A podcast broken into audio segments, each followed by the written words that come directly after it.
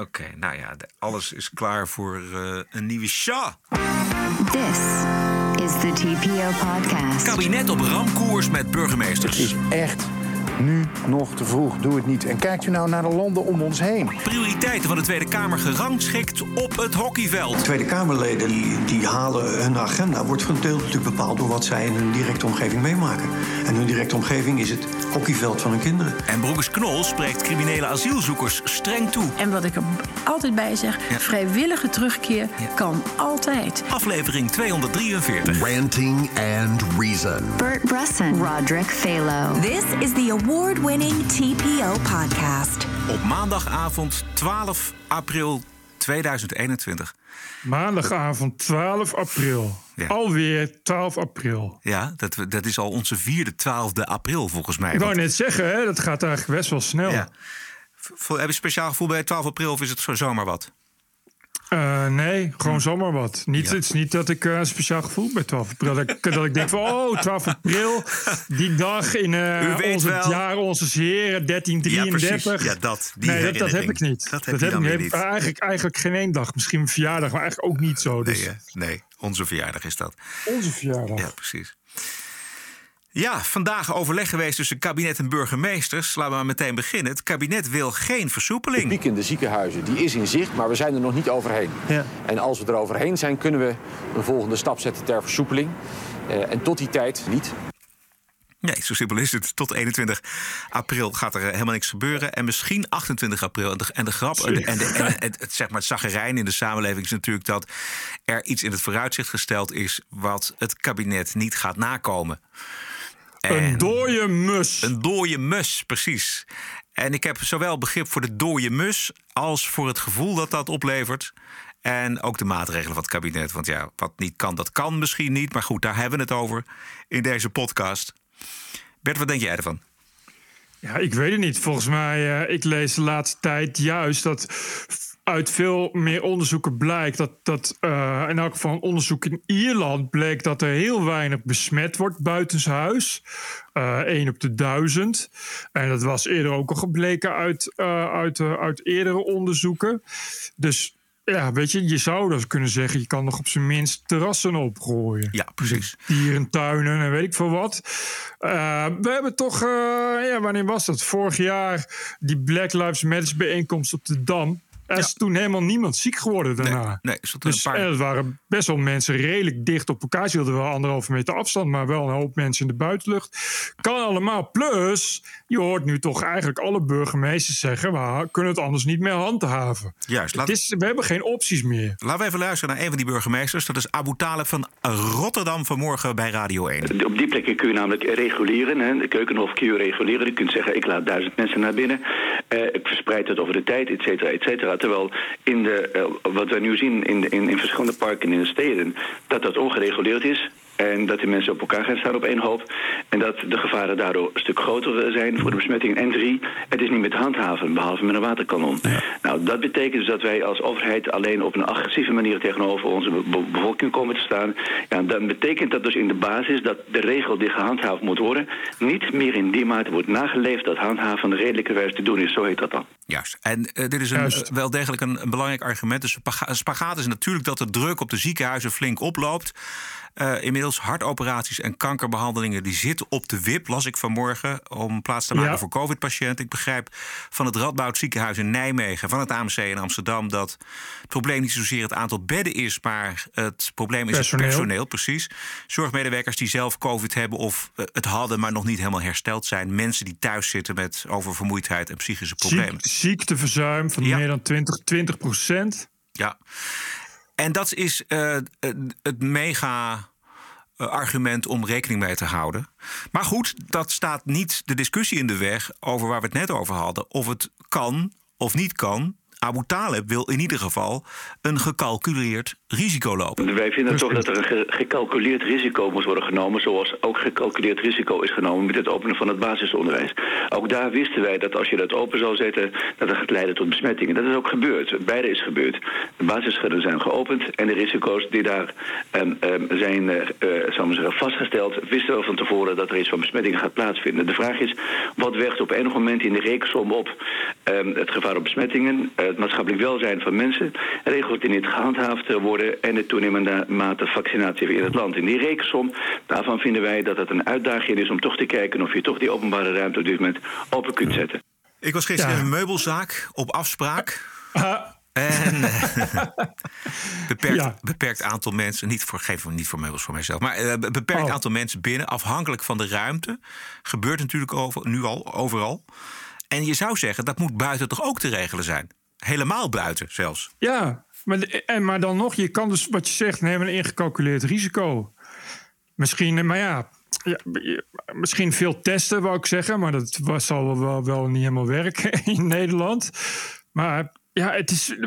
Het is een klein risico. En, eh, en het, is, het probleem is, wat nu wordt gedaan, alsof als we dat dan maar niet doen. Als je het terras niet opengooit, dan is er niks aan de hand. Maar ja, die mensen die anders op het terras gaan zitten, gaan nu alsnog naar buiten. Precies. Maar dan met z'n met z'n 10.000 tegelijk naar het Vondelpark. Exact. En dat is het argument van Dus- Halsema, waar ze gelijk in heeft natuurlijk. Van, weet je, als we het niet reguleren, als we geen keukenhof opengooien, als we geen eh, terrassen opengooien waar het personeel kan kijken hoeveel mensen er eh, op zo'n terras kunnen, dan, dan hou je de druk op de keten. Dan gaan mensen inderdaad over elkaar heen hangen. En ja, dan is het helemaal niet meer te controleren eh, in het Vondelpark of waar dan ook in Nederland.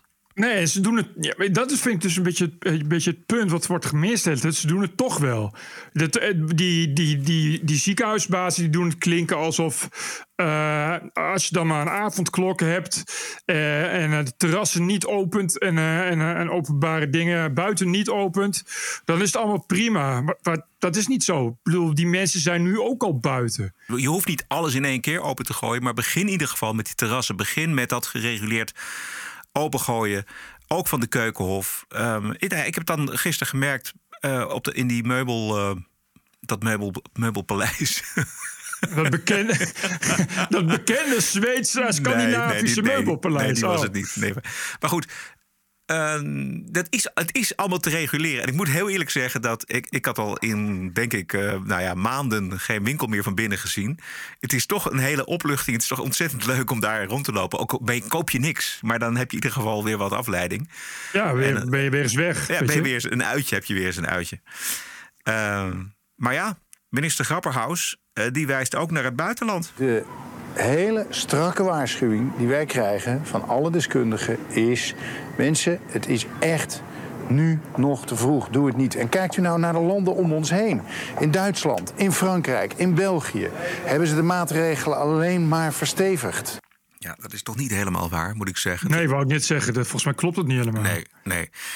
En het, het Grapperhaus en het kabinet doet nu eigenlijk de jongen ook. Doet alsof versoepeling een, meteen een enorme stap is. Maar nogmaals, dat hoeft allemaal niet. Dat bedoel ik dus. Terwijl, terwijl dus inderdaad, en, en dit, is, dit is ook zoiets. Dit is dus weer een bewijs van het, van het halstarrige van, eh, van, van het RIVM en van het OMT. Er is, er is steeds meer bewijs dat het dus in de buitenlucht allemaal nog best wel te doen is. Ja. En dat, dat eh, riep Maurice de Hond een jaar geleden al. Maar ja, dat is nog, nog steeds. En nu nog steeds is dat, is dat moeilijk. Terwijl eh, op grond van de bewijzen die er zijn in dat opzicht, zou je dus best een gecalculeerd risico kunnen nemen. Ja, exact. Zelfs de ziekenhuizen eh, die geven steun aan de burgemeester. Dat las, las ik vanavond. Lid van de Raad Ja. van Bestuur van het AMC, Mark Kramer, die vindt net als de burgemeesters van de grote steden dat terrassen open kunnen. Hij zegt: in de grote parken zitten mensen nu dicht op elkaar. Ja. Het is beter om de terrassen weer te openen, mits gemeenten goed opletten op de handhaving van de coronamaatregelen. Ik geef de burgemeesters gelijk. Nu is de drukte niet te reguleren. Nou ja, daar heb je het. Als zelfs de, de ziekenhuizen het roepen. Het is de hele tijd een beetje, beetje hypocriet. En dat speelt natuurlijk ook mee. Je kan wel eh, een, een vol vliegtuig eh, uit Brazilië, inclusief eh coronamutanten, laten landen op Schiphol. En dan blijkt de teststraat gesloten te zijn, want die is alleen maar tussen, tussen 8 en, 8 en 5 open. Weet je, en niet in het weekend. En, maar eh, eh, maar je mag niet op het terras zitten. Want Ja. oei, oei, oei. Ja, ik weet het, ik snap dat gewoon niet. En dan, weet je, dan, dan denk je, kijk, Australië, daar hebben ze zo ongeveer nul besmettingen. Waarom? Omdat ze over vrijwel alles echt luchtdicht hebben dichtgegooid. Inclusief alle, Australië, Nieuw-Zeeland ook. Inclusief alle grenzen en het luchtverkeer. Ja, maar dat doen we niet. Weet je, je kan dus wel, eh, eh, je kan wel in Londen op een vliegtuig stappen met de Londense variant, eh, met de Londense, Londense variant diep in je keel. En op, moeiteloos op Schiphol weer uitstappen. Maar als je op een terrasje wil zitten op drie meter afstand van iemand anders in de avondzon, dan mag dat ineens niet. Ja, dat is toch wel een beetje een hypocriet beleid. Dat trekken mensen natuurlijk niet zo. Laat staan de ondernemers. Over die besmettingen gesproken. Er circuleert op Twitter een mooi plaatje, gifje eigenlijk, waarin eh, we Europa zien vanaf eh, de eerste golf tot nu. En je ziet het virus komen en gaan. Geen land, geen regio wordt overgeslagen op delen van Noorwegen en Finland na. Maar wat je vooral ziet is dat er zijn eigenlijk drie maatregelen die werken. Een lockdown, zomerweer en vaccinaties. Juist. Vooral dat laatste is een dingetje. Dat laatste. Schijnt. Ja, ik geloof dat Bhutan. eh, die heeft in een heel weekend de hele bevolking gevaccineerd. Bhutan is een boeddhistisch landje ergens tussen Ja. China en India. En die hebben dat in één keer gedaan. Die dat, zijn een recordhouder. In dat gifje zie je ook op een gegeven moment helemaal aan het eind, dus deze tijd, heden ten dagen, Groot-Brittannië. En daar zie Yep. je de besmettingen afnemen, helemaal, tot helemaal nul. Waarom? Daar wel. Ja, daar wel natuurlijk vanwege de vaccinaties. Daar wel, want Groot-Brittannië zit niet bij de EU. Nee, nee. Die zijn er net op tijd uitgegaan. Groot-Brittannië wel. En die krijgen ook nog gewoon een, een hele stoel bij Erdogan in Ankara als ze daar op bezoek zijn. Ja, Ursula von der Leyen daarentegen Nee. krijgt een hele bank. Tjonge. Verderop. Ja, verderop. Drie meter verderop. Ja.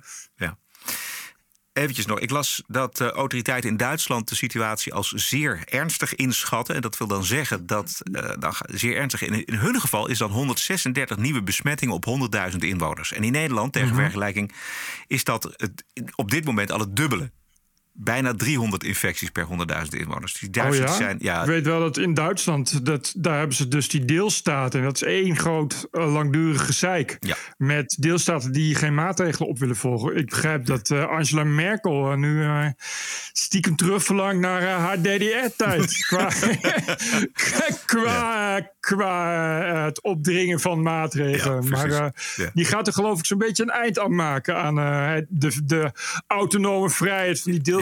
Wat Ja. weer op, op zich gezeik gaat opleveren. Ja. Ik wil heel graag voor de podcast naar Duitsland, naar Zuid-Duitsland en naar Berlijn. Gewoon daar een tijdje zitten. Dan, eh, Ja? ja, gewoon leuk. Gewoon, daar, als, daar kan het ook natuurlijk gewoon. En misschien levert dat al wat eh, extra info en couleur lokaal op Ja? eh, voor de podcast. Maar ja, zodra het kan, dan ben ik Moet weg. het, moet, het, moet het wel mogen, inderdaad. ja, moet en het wel kunnen. mogen. En nu is het best wel ingewikkeld. Want als je naar Duitsland gaat, moet je in ieder geval eh, een negatieve test overhandigen. Nou, dat lukt me nog wel. Maar het is ook allemaal, nog veel is dicht. Hotels zijn dicht. Ik net zeggen. Restaurants zijn dicht. Dus je, je, nou, dan moet je in een auto Hoe willen leuk. slapen. Maar dat is niet leuk. Nee. Hoe leuk is het daar? Bovendien, eh, het is ook pas leuk als heel Duitsland gevaccineerd Juist, is, zal ik maar zeggen. Precies. Maar goed, dan nog eh, even qua vaccineren. Eh, we, moeten wel weer rekening houden met het feit dat het dus eh, een Zuid-Afrikaanse variant is. Waarvan ik vandaag las dat Pfizer-vaccin misschien toch geen vat heeft op de Zuid-Afrikaanse variant. De Braziliaanse variant. De Braziliaanse variant is momenteel bezig met een soort genocide-run in, eh, in eh, het Brazilië van Bolsonaro. Die eh, inderdaad eh, nog steeds geen fan eh, lijkt te zijn van eh, maatregelen. Waardoor eh, zo'n beetje heel eh, Brazilië inmiddels op de iets intensive care ligt. Opvallend veel jongeren ook. Dat blijkt toch ook iets te zijn wat die varianten met zich meebrengen. Dat ze ineens, eh, terwijl we al die tijd geroepen hebben en gedacht dat het toch vooral eh, ouderen, zwakken en zieken waren. Dat nu ineens ook twintigers en dertigers serieus slachtoffer worden. En dat kan allemaal weer eh, hierheen komen. Mag dat allemaal? Eh, wat mag Ja, allemaal? mag dat allemaal hierheen komen, bedoel ik? Of ja, Nee, dat kan sowieso via het, het, het vliegtuig. kan gebeuren en Ja, dan hebben we opnieuw een probleem. En dan is maar de hoop eh, dat de vaccinmakers eh het een en ander kunnen bijstellen... zodat je opnieuw gevaccineerd kunt worden. Maar ja, eh, als het al helemaal niet lukt om überhaupt te vaccineren... zie ik vaccineren met een nieuw vaccin al helemaal niet snel gebeuren in Nederland. Nee, nee. Ik, mijn eigen idee is, maar ik ben natuurlijk verre van een eh, viroloog. Ik denk wel dat we een, hier mee te maken blijven houden als een soort eh, ernstige eh, griep. En waar dat de hele bevolking dan steeds Ja. moet worden ingeënt. Ieder jaar weer opnieuw met Ja. een, een nieuw vaccin. Wat, wat, nou ja, wat weer eh, een up- upgrade is zeg maar, van het vorige. Om zo de mutaties bij te houden. Dat klopt. Zou dat is wel iets wat, wat in de lijn der verwachting ligt. Dat het eigenlijk nooit meer helemaal gaat verdwijnen. En maar wel de hoop die dan wordt uitgesproken dat eh, dat virus uiteindelijk muteert en zo verzwakt. Ja. Dus dat het een, eh, uiteindelijk een zware griep wordt. Ja. Ja. ja. Nou goed. Ehm, zullen we even kijken naar het kabinet? Mhm. Want er eh, wordt nog wat geknutseld natuurlijk. Aan het kabinet moet een kabinet komen. Ehm. En mijn vraag is eigenlijk of het onderwerp Pieter Omtzigt al eer is aangesneden. Want dat is natuurlijk wel een belangrijke. Er was een peiling gisteren van Maurice de Hond. Die heb je vast gezien. ja, waarin iedereen weer netjes VVD stemde. Nou, niet iedereen, maar de VVD herstelt wel van min 6 naar min 3 eh, zetels nu. Eh, PVV, CDA, GroenLinks op een verlies van 1 ten opzichte van de verkiezingen van eh, 17 maart natuurlijk. En Forum krijgt er eentje bij. Ja, 21, toch twee weer erbij. Ja, die, die stijgen ook wel hard. Ja, ja. En dat komt wel van die VVD volgens mij. Dat lijkt mij ook, ja. En misschien van de PVV. Want ik vind het raar dat die PVV zo blijft verliezen. Maar goed, ja. het is ook niet zo enorm. Dat snap ik ook niet helemaal. Nee. Eh, verder geen, geen nieuws echt eh, uit die eh, Nee, toch? onderhandelingen. Nee, nee, Ik heb er ook niet echt iets, eh, iets, eh, iets specifieks over gehoord. nee. Ik kan me niet voorstellen dat mevrouw Ankie Broekers-Knol mag plaatsnemen in het nieuwe kabinet. Gezien, Nou, haar, misschien wordt hij wel premier. gezien haar track record van de afgelopen jaren. En ik denk eigenlijk ook dat de motivatie bij haarzelf ontbreekt. Zondag zat ze, zondag zat ze bij Rick Nieman bij WNL op zondag. Ik, ik had me erop verheugd op het gesprek, maar kwam niet echt van de grond, moet ik zeggen. Het was een eh, buitengewoon vriendelijk gesprek en dat levert weinig op doorgaans. En de staatssecretaris herhaalde eigenlijk wat ze eigenlijk altijd zegt, namelijk: het is heel moeilijk, maar we zijn op de goede weg. Nou, het eerste is misschien waar, maar het tweede is absoluut een leugen. We zijn op de goede weg. Dat horen we al zo lang. Ja. Eigenlijk, eigenlijk al zo lang eh, als eh, dat problemen bestaan. Dat, eh, Precies, dat, he- dat, hele, dat hele asielsysteem zit helemaal vast. Want er zijn geen huizen voor die mensen. De IND kan het niet bijhouden. En de criminele asielzoekers die lopen gewoon vrolijk in en uit de supermarkten. Yep. en, Yep. en daar kan ze ook helemaal geen fuck aan doen. Tenminste, dat zegt ze. Er zat wel iets bruikbaars in voor de show. Eén uitspraak wil ik eventjes eh, laten horen. En vertelt ons eigenlijk alles over het vuur bij Broekersknol... om iets te doen aan die overlastgevende asielzoekers uit Noord-Afrika.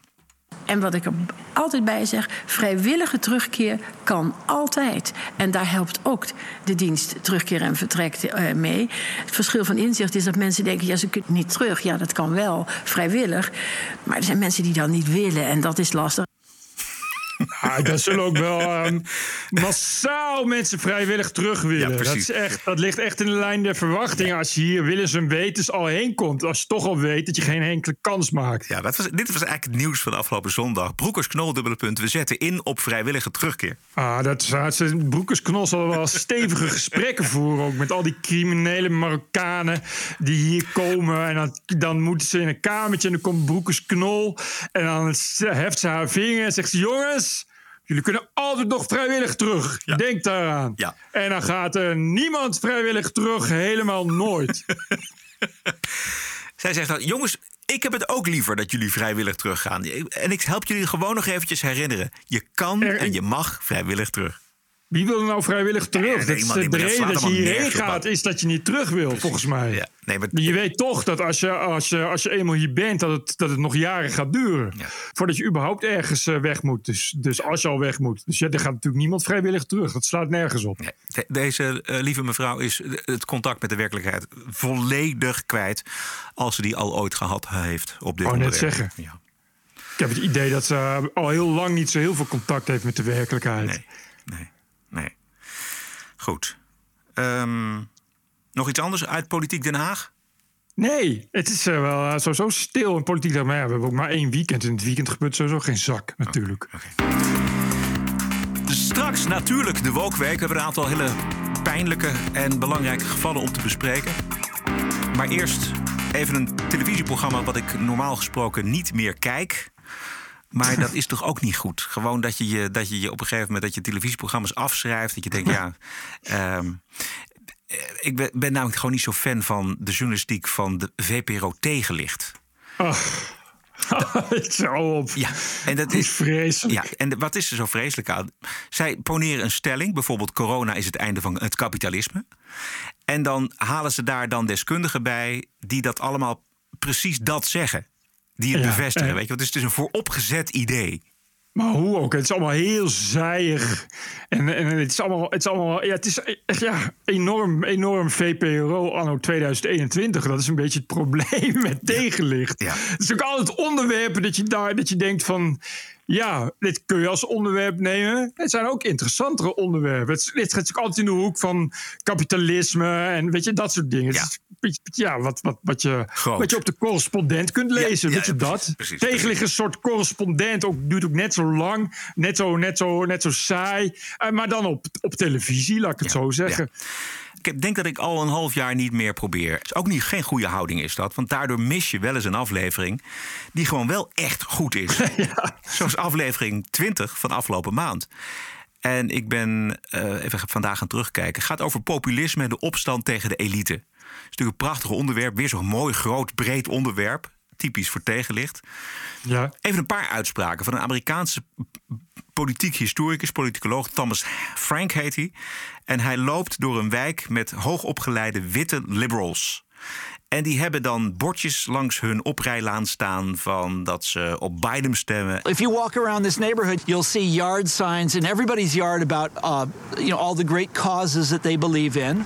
Black Lives Matter, love is love, feminism is for everyone, science is real, but nothing about middle class jobs. Ja. Allerhande hoge morele doelen natuurlijk, hè, zo'n heel rijtje. Eh, Black Lives Matter hoort er ook bij. Maar eh, ze interesseren zich werkelijk geen fuck voor al het werk wat vertrokken is uit de Verenigde Staten naar China, Azië. En je ziet ook dat die, eh, eh, die, die, die hoogopgeleide blanken, dat is ook eigenlijk een soort, het is een soort, soort marketingmachine geworden. Het zijn ook alleen nog maar één lettergreperige eh kreten waar je een hashtag voor kunt zetten, inderdaad. Black Lives Matter en science, science is real. Wat een beetje, vroeger hadden ze dat met een, met een Toyota Prius. Die moesten wel Toyota Prius rijden, anders hoorde je er niet bij. En nu moet je inderdaad al de hele tijd van dat soort kreten. Weet je, ook Black Lives Matter is nog nooit een leger in een leven gezien. Weet je, wat? weet je dat? Nee. En het grappige is, je moet eigenlijk de beelden zien, maar goed, iedereen kan dat allemaal terugkijken. Natuurlijk, aflevering 20 van, van VPRO Tegenlicht. Dat is het gezicht van die Thomas Frank. Die loopt daar ook voorbij en dan ziet hij weer een bordje en daar staat dan op. Kindness is everything. dat. Kindness is, is Ja. everything. En dat op een bordje. Op, maar ook, dat is het ook, hè, op een bordje. Ik ben een goede blanke burger exact. die democraat is. Waarom nou? Ik heb een bordje met kindness is everything in mijn thuis. Het is echt, het is echt, echt, echt nog erger dan, dan zo'n bordje bij de Action halen... waar dan op staat, in dit huis wordt met liefde met elkaar gesproken. Dat soort verschrikkelijke tegeltjeswijsheden. Ja, precies. Ja, de avenue van het deugen. Is het? Vreselijk. Ja.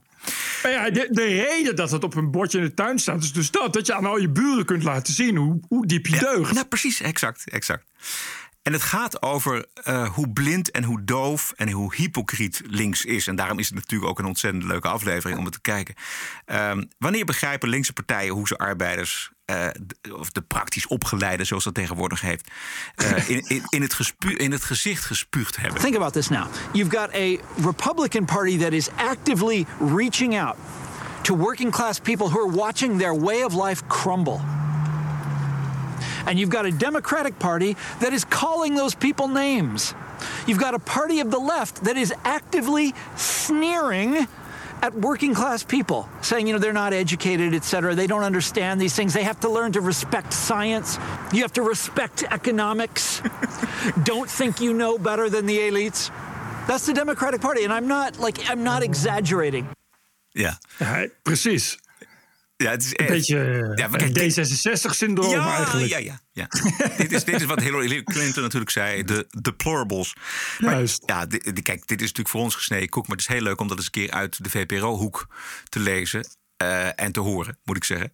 Ja, wat was dit het enige narratief? Of, of zat er ook nog uh, een, een uh, hoogleraar sociologie in die zei: nou, nou, nou, nou. Nee, nou, want dat is, namelijk, dat is namelijk altijd tegenlicht. Weet je, die, die doen altijd één. Dat is waar, ja. Die zoeken één doel uit. Daar zoeken ze iedereen op Ah, uit. oké. En we hebben het natuurlijk vaak al gehad over het rapport Remkes. eh, die tot de conclusie kwam natuurlijk dat die groeiende groep mensen zich niet meer vertegenwoordigd voelt op het Binnenhof. En in Mhm. tegenlicht een bestuurskundige, Mark Bovens, die eh, heeft daar eigenlijk een hele simpele verklaring voor. Tweede Kamerleden die, die halen hun agenda, wordt voor een deel natuurlijk bepaald door wat zij in hun directe omgeving meemaken. En hun directe omgeving is het hockeyveld van hun kinderen. Of de, het gymnasium van hun kinderen. Als vanzelf zijpelen vooral die problemen en die wensen veel makkelijker door op de agenda van de Tweede Kamer dan eh, de wensen en de problemen en de zorgen van die 70% van de bevolking die niet hoog opgeleid is. En dat blijkt ook uit, uit onderzoek dat de wensen van lager opgeleiden veel minder goed op de agenda komen van de Tweede Kamer eh, dan die van hoger opgeleiden. Precies. Ja. En niet alleen in de Tweede Kamer, zo gaat het in de media ook. Ja. Het is, het de media, de televisie, de NPO, de kranten, maar de Volkskrant. Waarom, waarom, waarom jammert de Volkskrant elke zaterdag alles bij elkaar over kansenongelijkheid? Nou, omdat er uh, niet zo heel veel andere problemen zijn voor, voor, voor de Volkskrant-redacteur en de hoofdredacteur. Want ja, die zit ook, uh, heeft ook gewoon een bakfiets en een kind die naar een wit gymnasium gaat. Dus daar vragen ze zich af, welke problemen moet ik eigenlijk nog vinden in mijn leven? Ja. Het leven moet, moet natuurlijk wel problemen zijn. Oh, kansenongelijkheid. Want ik voel me eigenlijk heel schuldig dat mijn kinderen wel allemaal naar het gymnasium mogen. Exact.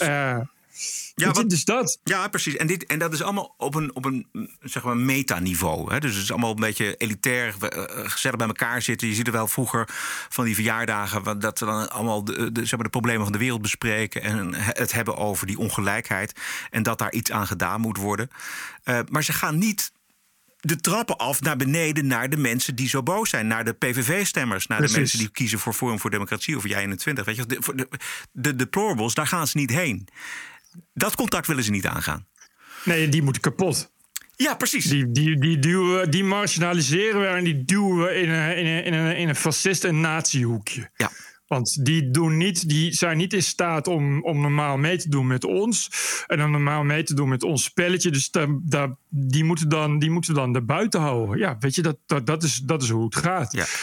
Uh, een soort, het is ook een soort, soort, soort ja, soort aristocratie eigenlijk nog steeds, laat ik het zo zeggen. Alleen dan niet vanaf een, een, een erf, erf, uh, erflast, maar als je maar hoog genoeg bent opgeleid en maar goed genoeg kunt meedoen in het, uh, in het, in het, in het cosmopolitische idee van de, van, van, van de liberal uh, high-end society, dan is democratie er voor jou.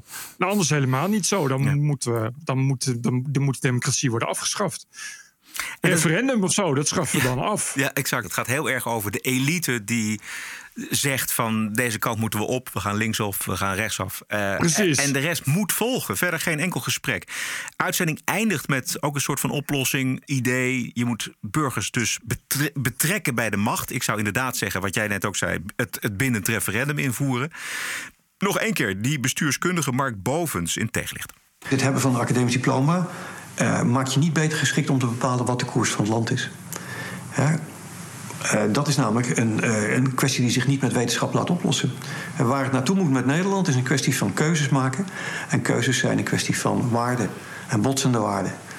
En, en, de wetenschap gaat je daar niet bij helpen. Als er eenmaal een keuze is gemaakt, dan is het misschien goed dat je hoogopgeleide ambtenaren hebt die kunnen vertellen hoe je zo goed mogelijk daar komt. Maar waar het met het land naartoe moet, of je nou wel of niet lid moet zijn van de EU, is een kwestie van politieke keuzes. Dat is geen wetenschappelijke kwestie. Ja, precies. En uh, sowieso, weet je, dat is ook.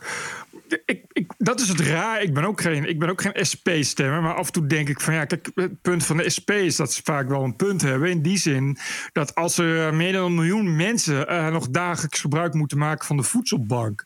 dan zou dat toch een, agenda, een, een agendapunt moeten zijn. wat op elke uh, partij hoog op de agenda staat. Maar dat is het dus niet. Dus dan ga je elke dag, jaar in, jaar uit, moet je aan de voedselbank.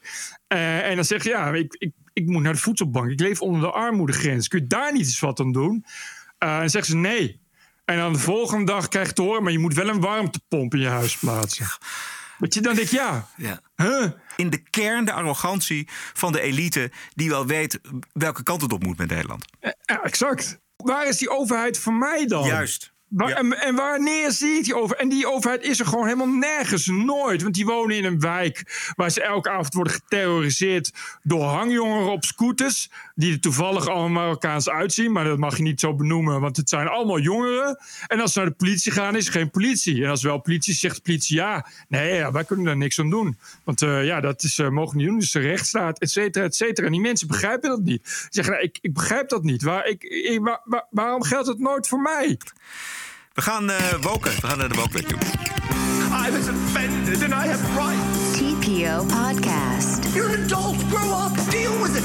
I don't care. care. Dit zijn de berichten uit de open inrichting. Mensen, bedrijven, instanties die zich een slag in de ronde deugen... en diep buigen voor de terreur van de identiteitsideologie... en daarmee de wokies overbodige hoeveelheid macht geven. Top of the list, Bert, staat de oprichtster van, eh, medeoprichtster van Black Lives Matter, Patrice Cullors. Deze zelfverklaarde marxistische dame blijkt miljoenen dollars geïnvesteerd te hebben in vastgoed. Yep. Met name in de witte wijken.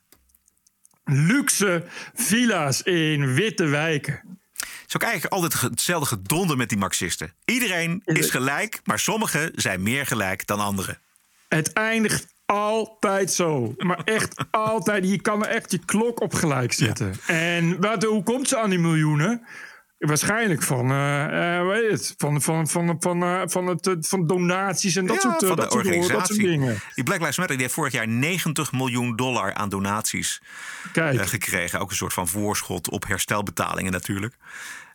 En welk salaris daaruit tevoorschijn komt voor mevrouw Cullors, dat is niet bekendgemaakt. Maar reken maar dat daar 1 negentigste of 2 negentigste of misschien wel de, ja, in ieder geval een derde Nee. naar haar toe gaat. Ik zag eh, inderdaad in de New York Post. de- Ze was niet de enige. Hè. Er waren nog meer van dat soort lui. Maar dat waren, waren, was inderdaad eh, allemaal geen kleine investeringen. en Geen goedkoop vastgoed.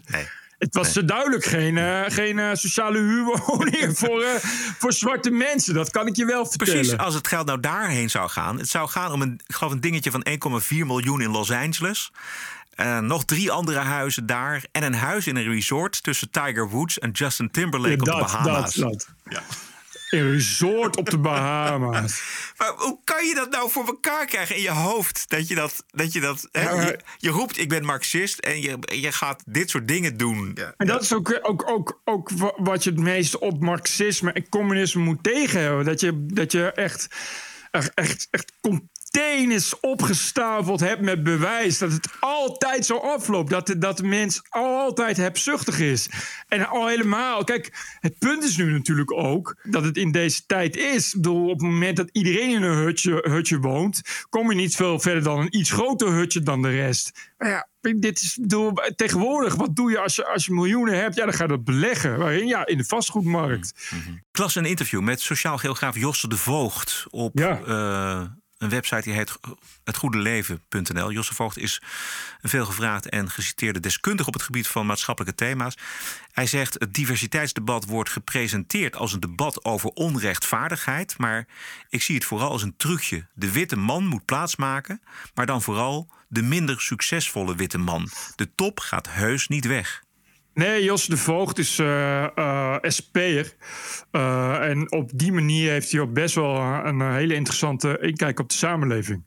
Hij, is ook, hij heeft ook wel eh, altijd inderdaad, hij is altijd pro-democratie en pro-referendum. Eh, dat, hij laat ook een video bij De Nieuwe Wereld. Dat is van, eh van Ad Verbrugge. Weet je wat hij ook inderdaad over, over de coronamaatregelen, over hoe, hoe, hoe de regering dat volk niet begrijpt. Jos de Voogd staat heel goed in, inderdaad. Ja. Hij zegt dat hij in aanraking kwam met het diversiteitsdebat toen hij ging werken op de Universiteit van Amsterdam. Op de UVA heerst het adagium wit is Ja. succesvol, zegt de voogd. In die kringen wordt niet gauw gevraagd naar andere achtergronden of andere achterstanden. Wit wordt gelijkgesteld aan succesvolle bovenlaag. En dat werkt door in te weinig aandacht voor ja, de sociaal-economische problemen natuurlijk van ook eh, blanke mensen. In hokjes denken is Precies. menselijk. Maar ehm, als er te veel mensen in hetzelfde hokje denken, dan wordt het een probleem, zegt hij. Ja, nee, goed, dat is ook zo. Ja, nee, maar de, de, de- hij zegt het goed. Hij is absoluut geen fan ook van woke, weet ik nu al. Ook Ja. absoluut geen fan van identiteitsdenken. Waarom? Dat je natuurlijk vooral iedereen uitsluit in plaats van insluit. Ja. Hij verwacht ook helemaal niks van die progressieve partijen, Partij van de Arbeid, GroenLinks, D66. Hij zegt, je weet gewoon dat de Mooi. diversiteitsagenda uitgevoerd gaat worden.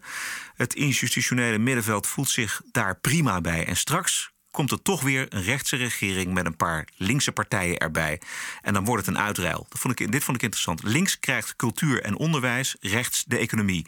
In de, Yep. de, en de diversiteitsagenda is relatief goedkoop, terwijl economische veranderingen duur zijn. Dus linkse partijen Ja, die gaan. Die, en daarom hoor je die linkse partij ook altijd ook. Weet je, het, het, het, het adagium hoop. Weet je, eh, roepen dat er hoop is, is de meest goedkope, banale. Verkiezingsslogan die er is. Iedereen kan dat precies. Daar hoef je niks voor te kunnen ook. Nee. En, dat is, en dan inderdaad, dan krijg je dat soort, dan krijg je dat portefeuille cultuur. Ja, nou, dat, is, dat hebben we nu ook eh, een of andere PvdA zitten. En je weet hoe dat afloopt. Ja. Dan kun je, dat zijn echt ook echt inderdaad de plekken waar je, waar je eh, ongegeneerd... en zonder dat iemand, eh, iemand zich daar ook verder iets van vindt... je daar en dat soort, dat je je identiteitsagenda kunt gaan uitrollen. Ja, exact. Weet je, dat, want Ja. ja, eh, ja, ik krijg eh, af en toe een mailtje van iemand die werkt eh, bij het ministerie van Infrastructuur en Waterstaat. Het ministerie van Infrastructuur en Waterstaat is, je verwacht het niet, zoals alle ministeries, zo woke als, als, een, als een ziek paard. De baas, de secretaris-generaal van zo'n ministerie, stuurt regelmatig langdradige dominees, tirades en, en overig, overig gepreek via intranet. En ik wilde graag even een stukje voorlezen van Ja. zo'n recent eh, aan alle IMW'ers eh verstuurd stukje intranet. Beste IMW'ers, ik wil het hier hebben over diversiteit en inclusie. Een mooi concept, maar ook een onderwerp waarbij ik eerlijk gezegd worstel om de juiste woorden te vinden. Juist omdat ik de intentie heb iedereen in zijn waarde te laten, maar ook besef dat ik als witte heteroman niet kan voelen wat anderen dagelijks voelen. Juist daar. het is heel mooi dit. Juist daarom is het belangrijk dat iedereen zich vrij en veilig voelt zich hierover uit te spreken. Opdat we elkaar leren verstaan. In behoeftes, maar ook in pijn. Een paar maanden geleden op Diversity Day schreef ik dat we onze verschillen moeten vieren en dat binnen INW voor iedereen ruimte moet zijn om te zijn en te worden wie je bent. De vraag is: doen we het goed genoeg? In de afgelopen periode is een aantal mensen op mij en andere bestuursraadsleden afgestapt met zorgen over diversiteit en inclusie. Zorgen over een te weinig divers personeelsbestand. En ik ben het daarmee eens. Het is blijkbaar een taai issue, maar we kunnen en moeten diverser worden. Precies. Ik Waar ook- zijn de PVV'ers? ik, ik hoorde ook over zorgen hoe er met elkaar wordt omgegaan. Bijvoorbeeld in discussies op intranet. Ik schrok daarvan. Met name over de diepe wonden die dat kan slaan. Waar heb ik het over? Nou, vorig jaar zomer ontstond er op ons intranet... naar aanleiding van een item over Black Lives Matters... een heftige discussie. Discussie is natuurlijk prima en we moeten ons allemaal vrij voelen open het gesprek aan te gaan. Maar er is wel een grens.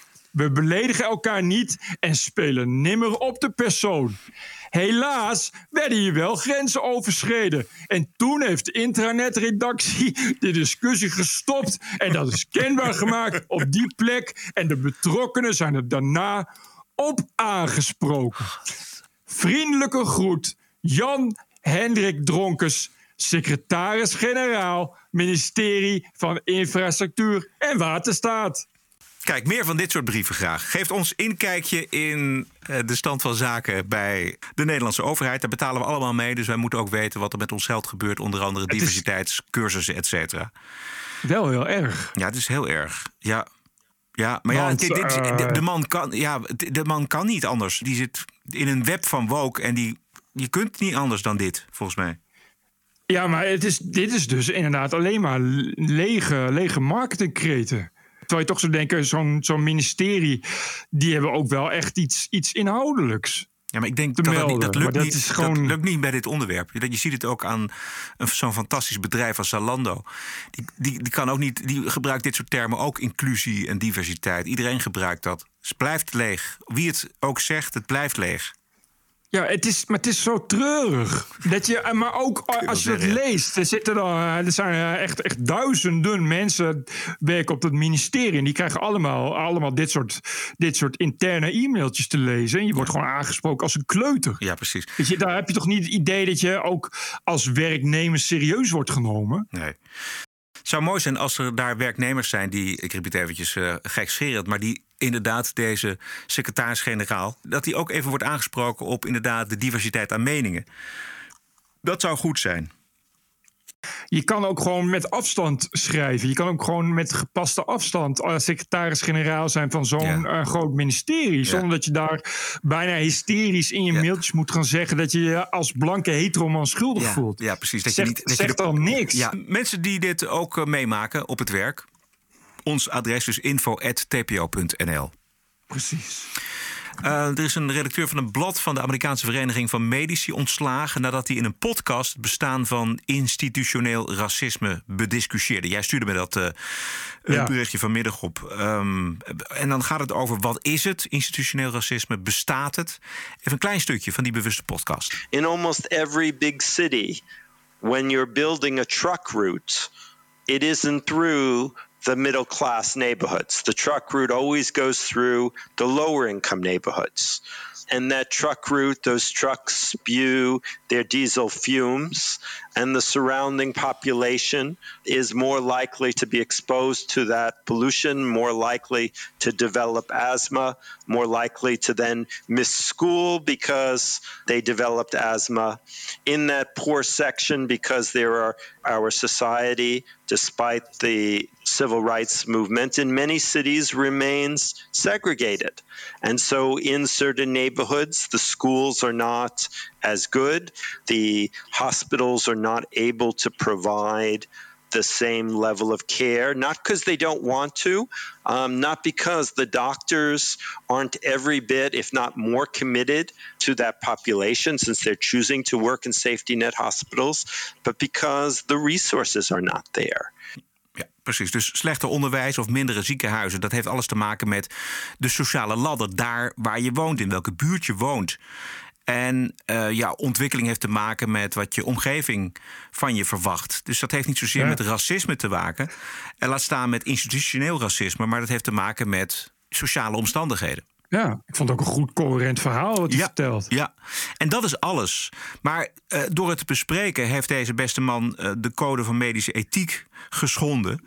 En kan dus vertrekken. Ja. Dat is toch onvoorstelbaar? Ja. Het is geen klein blad ook, hè? Dit is nee. de JAMA. Dit is de ja. Journal, of, Journal of Medicine. Dat is een beetje, zeg maar, uh, een soort van uh, de Lancet-achtige proporties. Ik bedoel, als het in de JAMA staat, is het waar. Laat ik het, laat ik het zo zeggen. Dus het was geen kleine baan ook die hij had. Die, hij wordt gewoon ja, gecanceld eigenlijk. Ja, op basis van het feit dat, dat hij institutioneel racisme bediscussieert. Dat is, dat is toch onvoorstelbaar? Ja. Dus nou, ik... hij zegt helemaal niet van institutioneel racisme bestaat niet. Hij zegt gewoon van ja, wat, wat, wat is er aan de hand in, in, uh, in, uh, in dit, ja. dit geval slechte longen? Ja. Je, bedoel, ja. ja. ja. En maar, dus, maar je mag dus blijkbaar, want dat, dat is tekenend voor, voor dit voorval, je mag dus niet twijfelen aan. Uh, institutioneel racisme, dat dat bestaat. Of, hè, dat, dat is, en dat is de dogma. Dat mag niet. Op, op straffen van, uh, van ontslag. Ja. Als je, daar, je mag dus gewoon ook niet, niet de mening hebben dat dat niet bestaat. Nee. Want als je die openlijk geeft, wat, wat niet zo heel raar is uh, in een land waar de vrijheid van meningsuiting uh, absoluut is. Ja. als je die mening geeft, dan, dan, nou, dan moet je kapot. Dan ben je, ben je meteen van je carrière af. En het, want, ja, er moet toch iets gebeuren, Bert. Want, is. Ja, het is totaal absurd. Want kijk, het is niet. Jij zegt inderdaad terecht. Het is, de vrijheid van meningsuiting is uh, uh, bijna 100% in Amerika. Dus hij wordt niet vervolgd. Maar dat is ook het enige wat, wat, wat je daaruit kunt concluderen. Hij wordt dus niet vervolgd door de overheid of gecensureerd door de overheid. Hij mag dat zeggen. Maar iets anders is dat een organisatie, en dat zien we natuurlijk voortdurend, of het nou uh, internetplatformen zijn of wat dan ook. Zij bepalen hun eigen regels. En zij kunnen onder druk van de woke-beweging zeggen: van ja, maar dit past niet bij ons. En dus ja, daar is het gat van de deur. Dat is hetzelfde effect als censuur. Zo simpel is het. Dit is weer een gruwelijk geval Ik, vond het Ja, en het heeft een heel chilling effect. Want, want er werken nogal wat redacteuren bij de JAMA. En nou, er zal een groot gedeelte zijn die dat ook vinden. Maar die gaan dat nu niet meer zeggen. Ja. Die denken, ja, dat is dan het einde van mijn carrière. Ik moet maar, je moet dan dus maar gewoon bukken. Eh, en, en zeggen, ja, eh, sys- systemisch racisme bestaat. En, en eh, daar ben ik het mee eens. Je moet gewoon zeggen dat je het ergens mee eens bent waar je het niet mee eens bent. Als je dat niet doet, ja, dan gaat je kop eraf. Leuk, vrijheid. Mooi man. Altijd mooi. Het is mooi. Vrijheid, de uitwisseling van vrije gedachten. Precies, die wookbeweging is fantastisch. Ja, net helemaal te gek. Mooi. Eh, ik heb er nog één, dat is ook een wat langere mail. Dan, eh, de rest neem ik dan wel even mee naar eh, vrijdag. Want het waren nog wel wat leuke, maar die kunnen wel even blijven staan. Eh, beste TPO podcast. Twee weken geleden gebeurde er iets heel engs in een van mijn werkcolleges, politieke filosofie aan de Universiteit van Utrecht. Je hebt daar linkse, extreem linkse, radicaal linkse, maar ook extreem radicale, gewelddadige linkse indoctrinatie. Ik zal een voorbeeld van het laatste geven. Mijn docent is een autoritair gezicht waar veel van mijn medestudenten naar opkijken. Eh, en die omschrijft zichzelf ongeveer vier keer per werkcollege als links. Daarnaast geeft hij in al zijn colleges talloze voorbeelden, zoals Mark Rutte geeft helemaal niks om het klimaat. Eh, en hij cre- creëert hiermee een onveilige setting waarin socialistische en ecologistische gevoelens worden opgewekt bij jonge studenten, waar je, eh, zoals ik als liberaal, daar nogal onveilig bij kunt voelen. In een eerder werkcollege bespraken we de teksten van Fanon over rechtvaardiging van geweld bij de dekolonisatie van Afrika.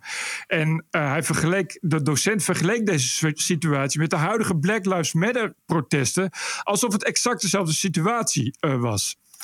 In mijn laatste werkcollege bespraken we ineens niet de tekst van Fanon, maar het ging toch weer over die rechtvaardiging van geweld.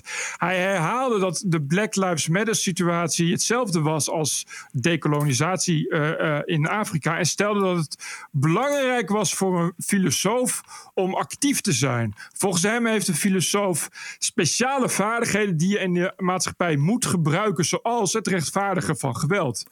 Uh, op een gegeven moment vroeg de docent aan de studenten wanneer zij dan gewelddadig de wet zouden verbreken. Uh, studenten worden op die manier dus actief aangewakkerd om geweld in praktijk te, uh, weg te redeneren. De docent stelde ook dat iedereen het in de chat moest typen, want het was een Zoom-bijeenkomst. en hij stelde dat iedereen nu eigenlijk moet beginnen met klim type klimaatdoelen te halen. Want hij zei dat het behalen van klimaatdoelen rechtvaardig gewelddadig verzet.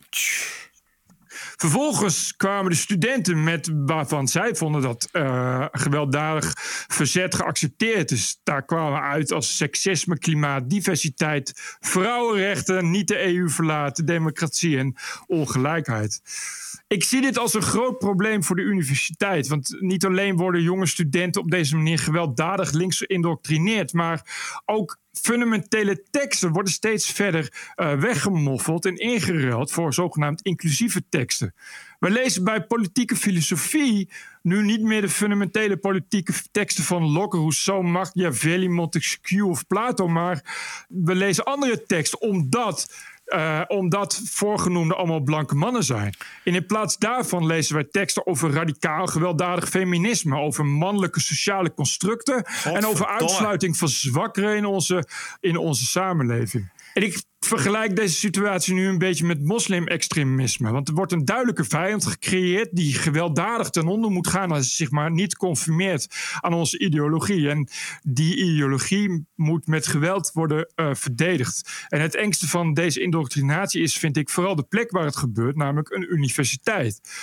Nou ja, ik is natuurlijk wel één mening tegen de andere. Ik heb niet die universiteit gebeld en de docent gebeld. Welke maar, universiteit is dat? Kunnen we dat zeggen? Uh, dit, dit gaat over Utrecht. Universiteit Utrecht. Afdeling politicologie.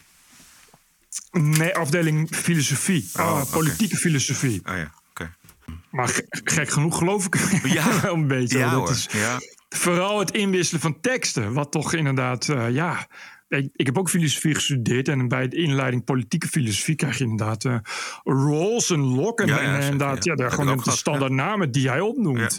In de jaren 60 en, en, en eind jaar, of begin jaren 70, toen kwamen de studenten in opstand tegen hun professoren. En je zou wensen dat dat opnieuw gebeurt. Dat er in zo'n collegezaal op een gegeven moment mensen zeggen: van ja, man, waar heb je het over? Sodebiet erop en weglopen. Of in ieder geval dat college verstoren. Waarom gebeurt dat niet?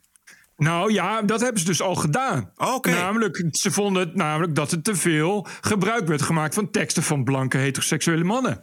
Dit, door die op, dat is dus het Oh, probleem. ja. Die opstand is al geweest, maar die opstand was een woke-opstand. Waardoor die universiteit en, en docenten zich kennelijk nu genoodzaakt voelen om zich daaraan te conformeren. En nu maar dit soort kwats aankomen.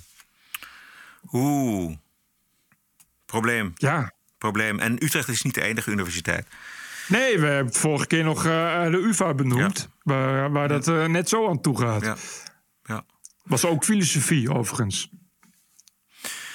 Dank, hartelijk dank voor eh, dit soort berichten. Al zijn ze nog zo vervelend en, en afschuwelijk. Maar dit, dit, moeten we, dit moet in de openheid. Dat kan, dit- we kunnen dit niet binnen, binnen de muren van de universiteit houden... en dan op een gegeven moment wakker worden in eh, 1984. Dat gaat wel hard zo. Ja. TPO Podcast. Dit is het NPO-podcast zonder subsidie, zonder commerciële invloed, advertenties. We zijn helemaal afhankelijk van de donaties van jou. Ranting and Reason. En elke maandagavond kijken wij hoe de TPO-podcast op waarde wordt geschat door onze luisteraars. En lezen wij de reacties in de postbus. En die postbus is info.tpo.nl. En waarderen en doneren kan op tpo.nl slash podcast. Wordt er nog een beetje gedoneerd? Ja, en maar eh, ik heb maar drie inzendingen. Oké, nou. Eh, toch, eh, de eerste is van eh, Richard Korver. Maar dit is niet die advocaat Richard Oh. Korver. Je zou bijna denken. Nee, dit, die eh, eh, ken ik goed genoeg te weten dat hij niet zo'n mail zou schrijven. Dus eh, beste Bert en Roderick. Ik luister al lange tijd naar jullie show en ik heb nog nooit gedoneerd. Want als ik dat zou doen, dan kan ik het huis hier wel verlaten. Maar nu jullie een shop hebben en ik een grote koffiedrinker ben, is daar een mooie sluiproute gecreëerd. Ik heb zojuist een mok gekocht en daarvan kan ik er natuurlijk veel meer bestellen. Want zeg nu zelf, wie houdt er nu niet van Bert Brussen? Ja, dat is een mok met Everyone Loves Bert Brussen. Vandaar. Eh, die zal die hebben gekocht. Eh, even kijken. Veel succes verder met jullie show. En natuurlijk is hoop overal om ons heen aanwezig. Groeten Richard Korver. Oké, Richard, ik, ik begrijp eigenlijk niet zo goed waarom je niet in het geheim aan ons zou kunnen doneren. Waarom moet het hele huis Ja. daarvan weten? Je moet gewoon stiekem doneren. Precies. Dat- dat- dat- Juist. Ah, dus dan doe je het maar gewoon in contanten in een envelop. En dan eh, stuur het maar, stuur het maar naar Roderick. Of zo, dan stort je het op de bank. eh. nou goed. Of in bitcoin. Hè, daar komt niemand achter. Even kijken. Simon van der Heijden. Oh, dit is wel grappig. Eh, beste Bert en Roderick. Ik begreep dat in podcast 241... ene Martijn de stekker uit zijn donatie trok... omdat er de rage van Bert niet trok.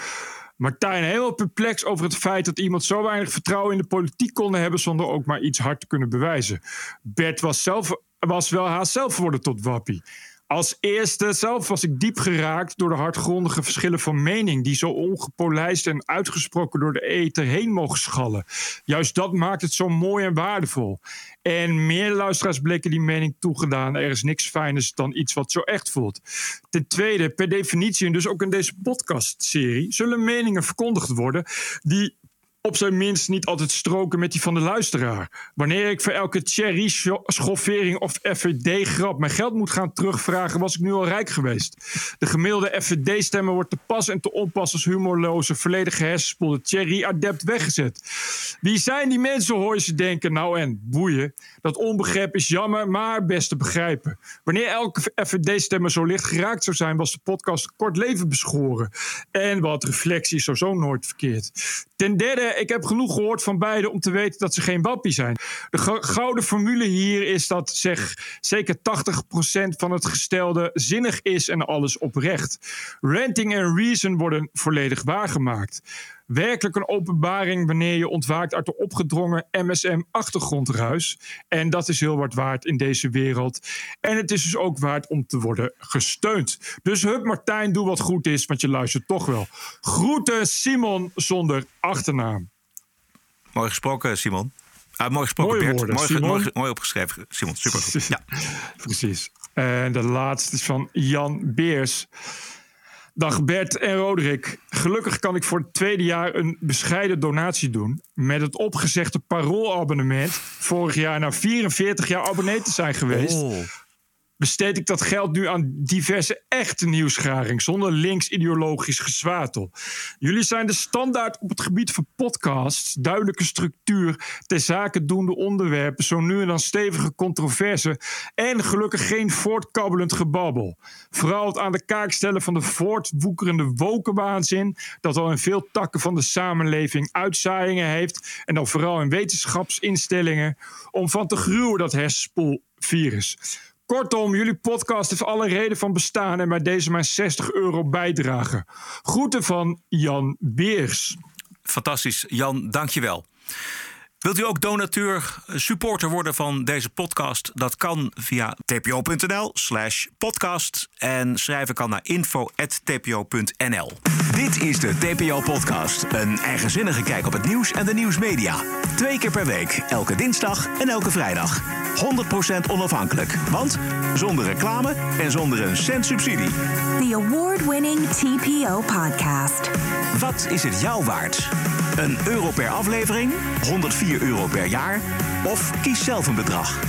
Waardeer en doneer op tpo.nl slash podcast. De TPO-podcast. Wat is het je waard? Ja, en we gaan ook nog een klein beetje reclame maken voor de eigen winkel. Eh, we hebben namelijk een mooie winkel. Daar kun je eh, volledig COVID-safe winkelen. en eh, we, hebben, we hebben mokken en we hebben t-shirts. En wat hebben we nog meer, Bert? Eh, onderbroeken, i- iPhone hoesjes, stickers, eh, petjes. Ja, lo- longsleeve t-shirts, naveltruitjes, t-shirts. fantastisch. maar er komt nog, eh, komt nog meer bij. Maar eh, eh, de meeste eh, designs zijn van Hein Meevissen. Dat is toch wel de top, de top in de, in de, in de, in de logo-designwereld. Dus zien er fantastisch uit. En ook een paar eh, andere eh, designs die zijn eh, eh, ingezonden door mensen. Eh, ook fijn. Eh, als je zelf denkt dat je een leuk design hebt, stuur maar door. Misschien kan ik ze wel eh, ook op een mok zetten of op een t-shirt. Eh, het is uh, tpopodcast.nl. En dan hebben we toch nog iets uit Amerika. TPO Podcast. Ladies and gentlemen, the president-elect of the United States. This is CNN breaking news. We have never, ever, ever, ever failed in America. It's an incredible way of putting it. Telling the truth matters. It's an incredible way of putting it. This is a Russian intelligence disinformation campaign. Why isn't Joe Biden angrier about all of this? How stupid can you be? This is a classic example of the right wing media machine. It just lacks credibility. Go ahead. Het is een langlopende discussie in Amerika. De legitimatieplicht bij het stemmen. Wij vinden dat heel normaal. Je neemt je paspoort of je rijbewijs mee om je te identificeren voor je mag stemmen. Waarom? Nou ja, om fraude tegen te gaan natuurlijk. Want je mag maar één keer per keer stemmen. In Amerika krijg je dat eh, maar niet voor elkaar. Omdat de Democratische Partij zegt... ja, veel zwarte Amerikanen hebben geen legitimatiebewijs... en weten niet hoe ze daar aan kunnen komen. Zo. Dus de mensen die pleiten voor een legitimatieplicht... de voter ID laws die willen dat zwarte Amerikanen niet kunnen stemmen. Zo is de gedachte. En dat zijn dus racisten. Roepen de Democraten en heel veel andere progressievelingen in Amerika. Luister maar. Do you have an opinion on voter ID laws? Uh, yeah, they're usually pretty racist and they're, they're bad. I think voter ID laws are a way to perpetuate racism. Would you say they're? Would you go as far as say they're, they're, those laws are racist? For sure. Do you think it suppresses the uh, African American vote? Definitely. Tell, tell us why. Uh, because they're less likely to have state IDs. Minority voters are less likely to have the kinds of IDs that have been um, described or required. These type of people don't live in areas with easy access to DMVs or other places where they can get identification. Yeah, you have to have access to the internet. You have to be able to pay an internet service provider for certain fees. Do you think that's harder for black people to go online? Well, I feel like they don't have the knowledge of how of like how it works. Wat? Ja, dit, dit- Dat laatste is ja. wel heel eh, Ja, oh, racistisch. Ja, precies. Ja, dit, is, dit is een online verslaggever van Fox. Die, eh, er is natuurlijk, zit natuurlijk een muziekje onder, dus het is, het is wel met een knipoog. Maar dit zijn allemaal echte interviews. De, dit waren dus allemaal mensen, blanke, hoogopgeleide mensen in Berkeley. met de vraag of een identificatieplicht bij stemmen erg is. En dan zeggen ze ja, dat is heel erg, dat is racistisch. En zwarte Amerikanen weten helemaal niet hoe ze een ID kunnen bemachtigen. En ze weten ook niet hoe ze met internet om moeten gaan zei die laatste mevrouw. Ja, ik, ik, ik snap niet. Uh, hebben, iedereen heeft toch gewoon een paspoort ook in Amerika? Of wat? Nou, niet iedereen. Niet alle Amerikanen zijn zo reislustig als uh, de mensen in Europa. Maar je kunt wel gewoon een ID hebben. Ja, en toch? Die verslaggever die gaat dan, die vliegt naar de andere kant van Amerika. Die vliegt naar Harlem, New York. En die gaat daar ja in Harlem aan die zwarte Amerikanen vragen of het inderdaad zo moeilijk is om aan een leg legitimatiebewijs te komen. Do you carry ID? Yes, I do. Do you know anybody who any black person doesn't carry ID? No. Everyone that I know has an ID. That's one of the things you need to walk around with New York with, an ID.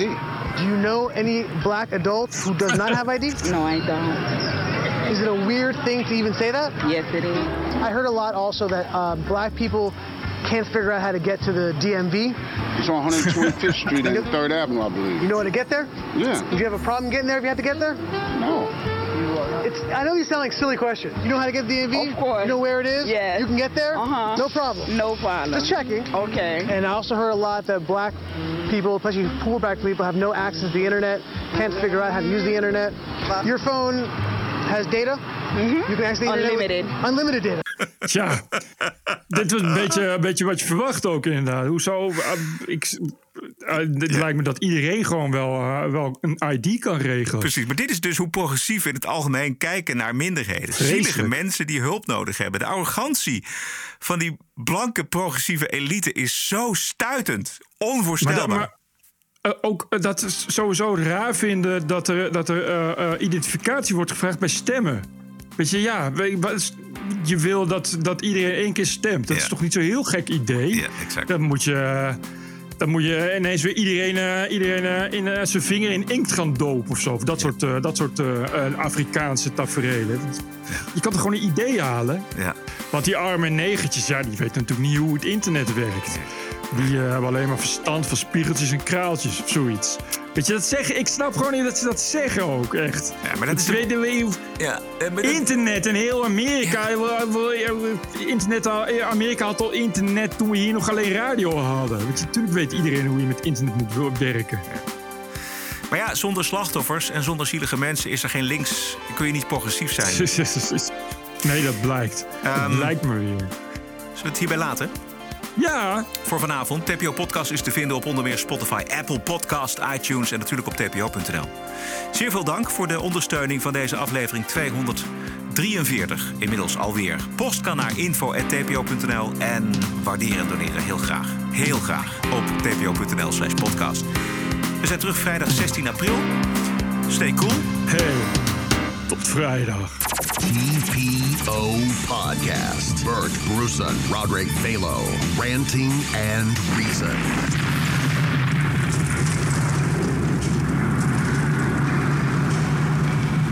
Kindness is everything. Podcasting is the TPO podcast in the Netherlands. Bert and Roderick. What a show. I'm telling you.